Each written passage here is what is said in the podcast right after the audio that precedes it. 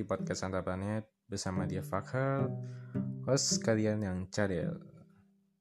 Malam ini gue akan membahas tentang jurusan DKV dan kembali lagi ini masih di podcast Santa Planet dan untuk episode kali ini lebih ke pembicaraan santai aja.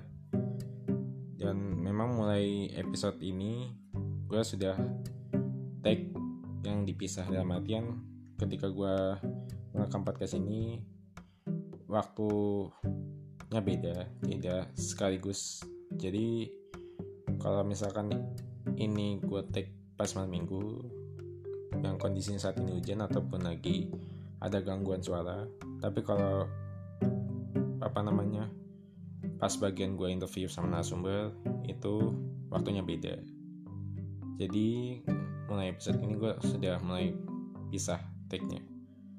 Oke, okay, uh, eh, kita sekarang membahas tentang jurusan DKV, jurusan Desain Komunikasi Visual.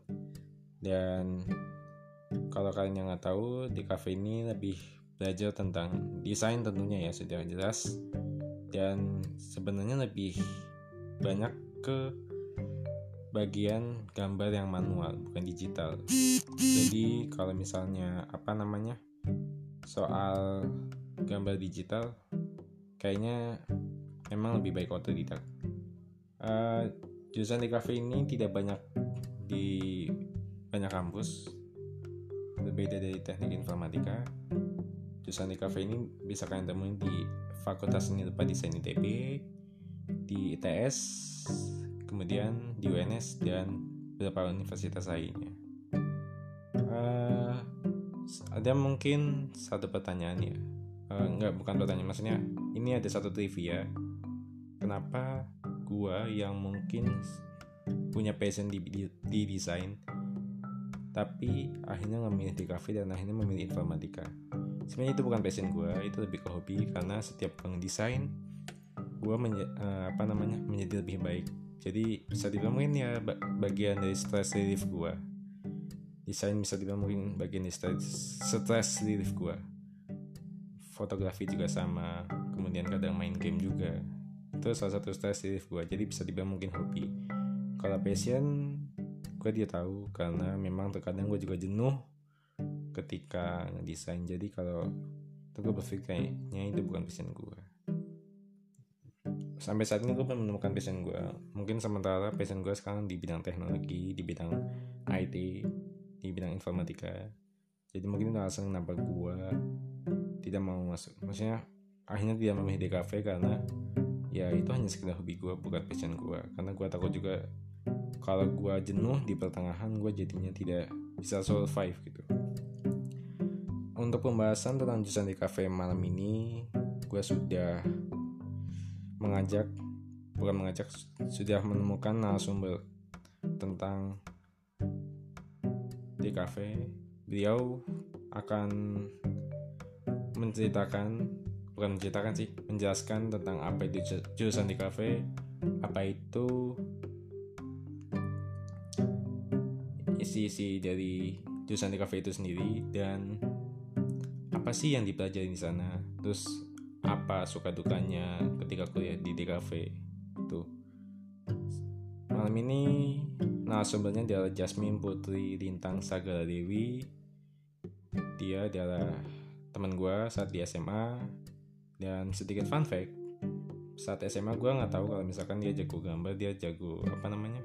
Desain dan ternyata ketika gue tahu kalau dia terima di DKV di UNS gue cukup kaget ya. Maksudnya kayak I don't expect her will come to the college. Jadi gue nggak cukup kaget juga karena dia ini nggak pernah apa namanya kayak gue juga nggak tahu juga tahu tuh dia masuk di cafe aja gitu sekarang kita telepon dulu ya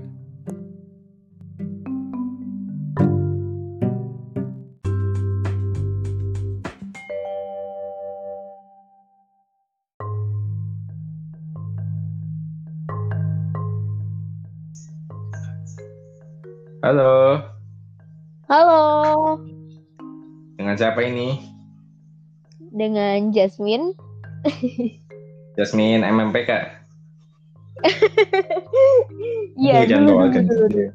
Dulu ya. Eh, ini sekarang gue sudah terhubung dengan teman gue. Dia eh, anak di kafe UNS ya. Dan se- mungkin sekarang gue akan memberikan kesempatan buat Jasmine untuk memperkenalkan dirinya. Silakan. Oke, halo semuanya. Perkenalkan, Putri Lintang Sagra Dewi, biasa dipanggil Jasmine. Sekarang aku sedang berkuliah di Universitas 11 Maret di jurusan Desain Komunikasi Visual. Sudah cukup, nggak ada yang lain. Udah? Udah. Ya, maksudnya mungkin kalau misalkan ada yang ingin diperkenalkan entah tentang hobi atau apa, silakan nggak apa-apa aja. Hmm, apa ya? Oh, hobiku, hobiku menulis dan juga gambar-gambar sebenarnya.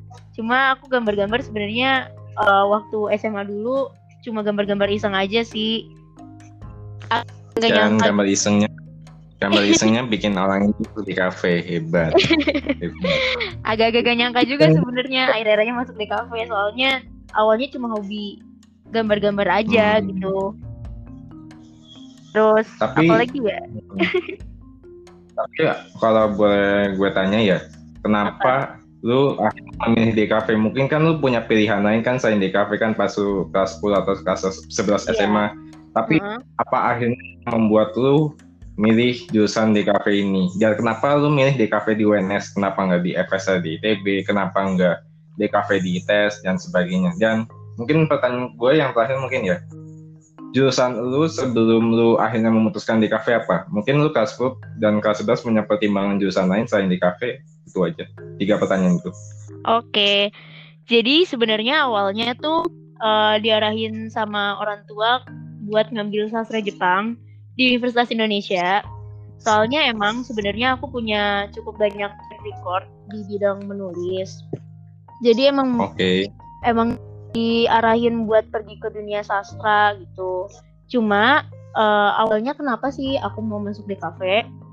Jadi pertama pertama banget itu kesadar waktu aku kelas 11. Waktu itu aku lagi sering banget eh, lomba-lomba terus alhamdulillah juga sering banget menang-menang.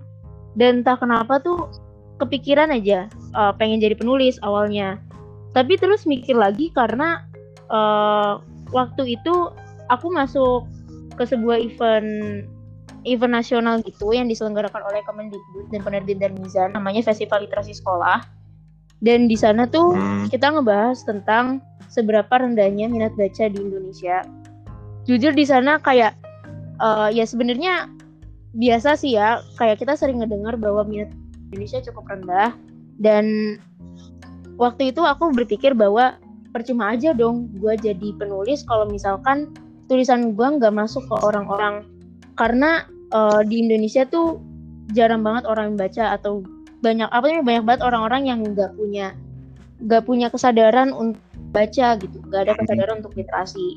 I see. Hmm. akhirnya eh, aku s- walau apa namanya, walaupun terus nulis nulis nulis nulis aku mikir ini aku nggak cukup buat nulis aja aku nggak cukup cuma belajar nulis gitu aja terus habis itu aku bisa jadi penulis. Enggak aku juga harus eh, mengangkat orang-orang biar juga bisa eh, literasi. Bisa baca bisa nulis hobi baca nah kemudian waktu aku kelas 12 eh, jadi ceritanya waktu itu ada pelajaran biologi Miss Dian tahu kan Tahu. nah waktu Gak itu pernah diajarin tapi tahu aja. waktu itu Miss Dian cerita disertasinya untuk S2 itu membahas tentang eh, pola belajar yang baik untuk anak-anak generasi alfa, anak-anak 2000 sampai 2010 gitu. Nah, kemudian Hmm, iya. di disertasi itu Miss Dian bilang kalau misalkan eh, kebanyakan anak-anak generasi zaman sekarang dari 2000 sampai 2010 itu itu kebanyakan belajar dan mengerti dengan apa namanya dengan metode visual gitu. Jadi mereka Hmm, lebih lebih bisa masuk pelajaran dan bakalan lebih sering baca buku kalau misalkan visual di buku. Nah dari sana langsung kepikiran buat masuk desain komunikasi visual gitu awalnya. Terus kenapa sih milihnya DKV UNS? Kenapa nggak milih DKV ITB atau ITS gitu misalnya? Yang pertama karena uh, di UNS itu biaya hidupnya murah. Uh, soalnya kan di Solo emang biaya hidupnya jauh lebih murah ya dibandingkan di Jabodetabek gitu. Dan yang kedua karena di DKV UNS juga akreditasinya udah A, makanya aku juga pilih di DKV UNS gitu. Hmm, I see. Cukup panjang sebenarnya. Oh iya, ini pertanyaan terakhir ya lupa kan. Pertanyaan gua terakhir ya. Uh, kenapa lu akhirnya memutuskan DKV dan eh enggak maksud gua jurusan yang lu pilih sebelum DKV? Mungkin kan pasti ada kan? Tadi ya sastra Jepang ya? Iya, sastra Jepang UI tadinya. Hmm, itu unik loh. Maksudnya tadi lu ngomong lu memilih sastra Jepang, sedangkan lu punya hobi nulis. Nah, tapi lu punya ini gak sih kayak semacam background Jepang itu apakah wibu atau sejenisnya? Sebenarnya sih dulu waktu kelas 10 pernah uh, ikut LM Jepang. Dalam bahasa Jepang gitu. Hmm. terus sebenarnya aku itu mantan wibu. Apa apa pengakuan aja di sini. Pengakuan. Aku tuh sebenarnya dulu mantan wibu. Cuma emang emang bentar sih periodenya kayak cuma SD gitu waktu lagi zaman zaman suka anime anime terus udah deh waktu SMP udah mulai kepo kepoan nggak begitu terlalu mendalami soal dunia kejepangan Hmm, oke. Okay. Uh, eh, ini kan lu baru berapa minggu ya kuliah? Benar. Empat kayaknya. Berarti kalau ini sebulan ya? Iya, sebulan, sebulan kuliah. Hmm. Nah, selama empat minggu ini sama sebulan itu, lu belajar apa sih di DKV? Uh, eh, sebenarnya belajar banyak sih ya. Uh, kalau misalkan di awal-awal tuh kalau di UNS di DKV UNS sendiri itu ada pelajaran fotografi, terus ada juga komputer grafis, terus ada nirmana, nirmana dua dimensi, nirmana di matra, terus habis itu ada pengantar seni rupa dan desain, ada sejarah seni rupa dunia, gitu-gitu sih sama yang sisanya ya pelajaran-pelajaran basic kayak pelajaran agama, pelajaran bahasa Inggris, gitu-gitu. Mungkin ada dekas yang nanya, Kak, tugasnya anak-anak di kafe banyak nggak sih? Kak itu anak-anak di kafe duitnya banyak ya? Nah ini gue akan nanya ke lu nih kira-kira apa sih pembelaan lu? Eh pembelaan kan? Maksudnya kayak jawaban atas stigma-stigma negatif yang mungkin sering ada di anak di kafe. Misalkan kayak anak di anak di kafe ntar kerjanya apa sih gitu. Nah mungkin lu bisa jelasin uh, gimana tugas-tugasnya gimana prospek kerja ke depannya oleh anak-anak di kafe atau mungkin gimana sih rasanya gitu capeknya lah ini itulah. Oke sebenarnya kan pada banyak yang bilang uh, tugas-tugas di kafe tuh numpuk ya kayak jarang tidur ya sampai begadang-begadang. Sebenarnya sih iya.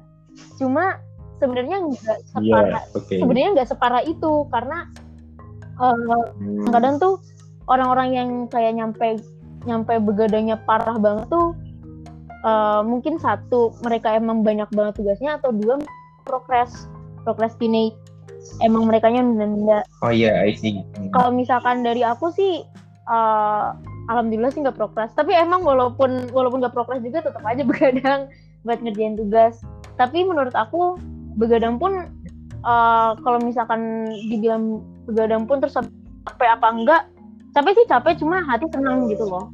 Jadi kayak nggak kerasa lagi begadang nggak kerasa capeknya. Rasanya ya enjoy aja gitu ngerjain Iya udah sesuai PS kali ya. Jadi kayak ya udah biasa aja gitu. Terus habis itu kalau di DKV masuk DKV biasanya apa sih? Sebenarnya banyak banyak banget. Uh, semua hampir semua bidang sekarang ngebutuhin desain grafis desain komunikasi uh, bisa jadi motion graphic, terus bisa jadi cover juga bisa, videographer bisa, bisa jadi uh, web designer, intinya banyak sih, ilustrator juga bisa gitu. Atau kalau misalkan ada yang mau buat komik hmm, pun juga bisa, bu. Uh, ada pelajaran komik di semester 5 kalau di DKV UNS. I see, I see. Itu. Terus ini mungkin pertanyaan dari terutama gua ya. Yeah. Kan ilmu desain kan bisa dibilang mungkin ilmu yang bisa otodidak yeah. kan. Dan tadi lu sempat mention kalau di DKV juga bahasa motion graphic, sempat belajar fotografi ini itu kan. Nah, kan itu sebenarnya bisa dipelajari secara otodidak mungkin ya. Ini pertanyaan juga dari beberapa masyarakat hmm. di sekitar gue. Kenapa akhirnya lu jadi milih di kafe sedangkan ilmu-ilmu itu kayak fotografi, desain atau motion graphic itu bisa otodidak. Nah, kenapa lu akhirnya tetap milih di kafe gitu? Oke, okay. pertanyaan sebenarnya bagus dan sering dan sering juga ngedengar Uh, jadi kalau menurut aku, kalau aku pribadi ya, kenapa aku memutuskan buat masuk DKV, walaupun sebenarnya uh, ilmu-ilmu yang dipelajari di DKV itu bisa dipelajari secara otodidak dari YouTube bisa, sekarang juga ada Google, tinggal nge-Google aja terus pasti keluar gitu. Tapi kalau menurut aku, uh, kalau aku sih sebenarnya lebih ke satu buat merancang portofolio, karena kan kalau misalkan di DKV kan ada apa ya namanya, ada mentor gitu, ada ada dosen, kemudian ada hmm. juga yang bisa ngebuat apa ya namanya memberikan penilaian terhadap uh, portofolio kita nantinya gitu. Jadi semacam buat ngumpulin portofolio. Terus yang kedua, uh, karena aku awalnya emang cuma berawal dari hobi-hobi gambar aja, jadi kayak aku pengen uh, mengkonstruk, uh, mengkonstruksi uh, emang mendorong aku buat terus belajar gambar gitu jadi kayak aku ngebayangin aja kalau misalnya seandainya aku masuk di uh, jurusan yang lain gitu misalnya uh, mungkin aku bakalan jarang banget buat gambar gitu. Walaupun sebenarnya uh, nggak juga sih. Tapi emang emang jadi apa ya namanya ya waktu untuk menggambar aku jadi lebih sedikit gitu. Waktu untuk belajar menggambar juga jadi lebih hmm, sedikit. Gitu kalau dari aku sih kayak kayak gitu. Tahu kenapa gue kenapa? nanya itu karena gue jadi korban yang nanya itu karena gue kalah debat ya udah gue milih informatika aja oh gitu jadi nah dulu kan udah jadi anak di kafe ini udah resmi iya. kan nah ya udah gue tanya pandangan lu aja di sudut pandang lu aja oh. tuh gitu. nah ini kan tadi gue udah nanya stigma dan nanya tentang apa yang dipelajarin juga kenapa milih di kafe. Nah, ini deh sebelum nutup mungkin lu punya closing statement atau punya motivasi buat anak-anak bonap terutama ya yang pengen masuk di kafe tapi gimana ya apakah anak di kafe masih punya masa depan? Nah kan apalagi ini kan udah mulai ada situs-situs kayak Canva dan yang lain-lain tuh. Oke, jadi uh, buat adik-adik terutama yang di kelas 12 lagi bingung buat mau nyari jurusan apa atau mau desain komunikasi visual tapi misalnya uh, mikir-mikir ulang karena aduh gak dibolehin orang atau gimana nih nanti prospek ke depannya aku cuma mau bilang sih bahwa yang namanya desain komunikasi visual itu uh, zaman sekarang merupakan satu jurusan yang punya prospek yang tinggi ke depannya. Karena uh, apa sih namanya? Sekarang tuh udah mulai uh, era apa industri. Tuh lupa kan gue oh iya iya iya. Aku lupa. Industri 4.0 dan emang di era industri 4.0 ini juga menitik beratkan di industri kreatif gitu. Dan ya tentu saja banyak banyak uh, banyak banget kok peluang kerjanya. Bahkan di bidang di bidang politik gitu misalnya pasti butuh desain buat merancang uh, kampanye gitu atau buat penyuluhan kepada masyarakat. Di bidang kesehatan juga perlu buat kepada masyarakat kan pasti.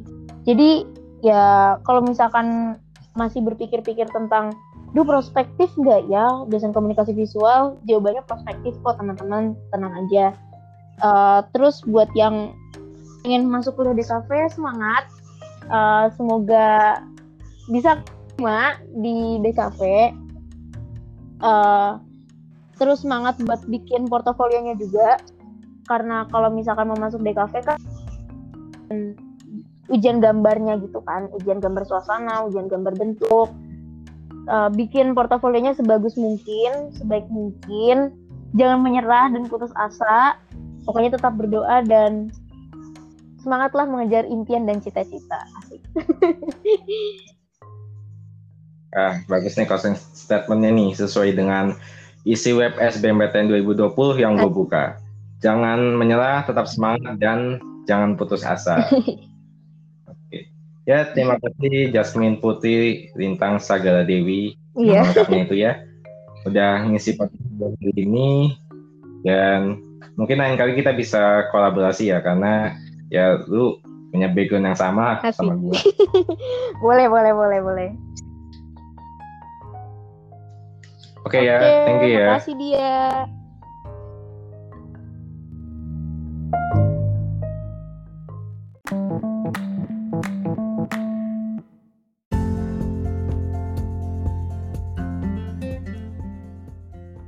Ya begitulah pembahasan gue dengan Jasmine seorang anak DKV dari Universitas Negeri Surakarta dan tadi kita juga sudah mendengarkan closing statement dari dia bahwa tetap semangat yang bagi kalian yang ingin masuk ke jurusan DKV Desain Komunikasi Visual.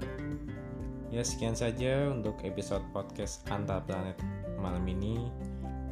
Dan jujur saja ini podcast yang bisa dibilang cukup mendadak dan cukup cepat juga pembuatannya. Karena yang pasti semua episode podcast Antar Planet dibuat dengan tidak ada niat sama sekali semua podcast ini hanya sebagai hiburan hanya sebagai platform gue untuk menyuarakan opini pendapat gue dan untuk bisa dibilang mungkin stress gue dan satu lagi itu melatih komunikasi gue walaupun memang gue sedikit masih ya gue tidak bisa bilang gagu sih.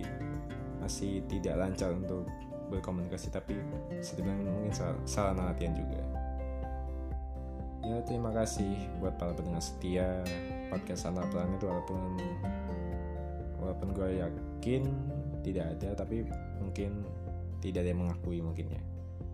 Ya sekian untuk episode hari ini. Cukup singkat di bawah 20 menit. Sampai jumpa di episode selanjutnya.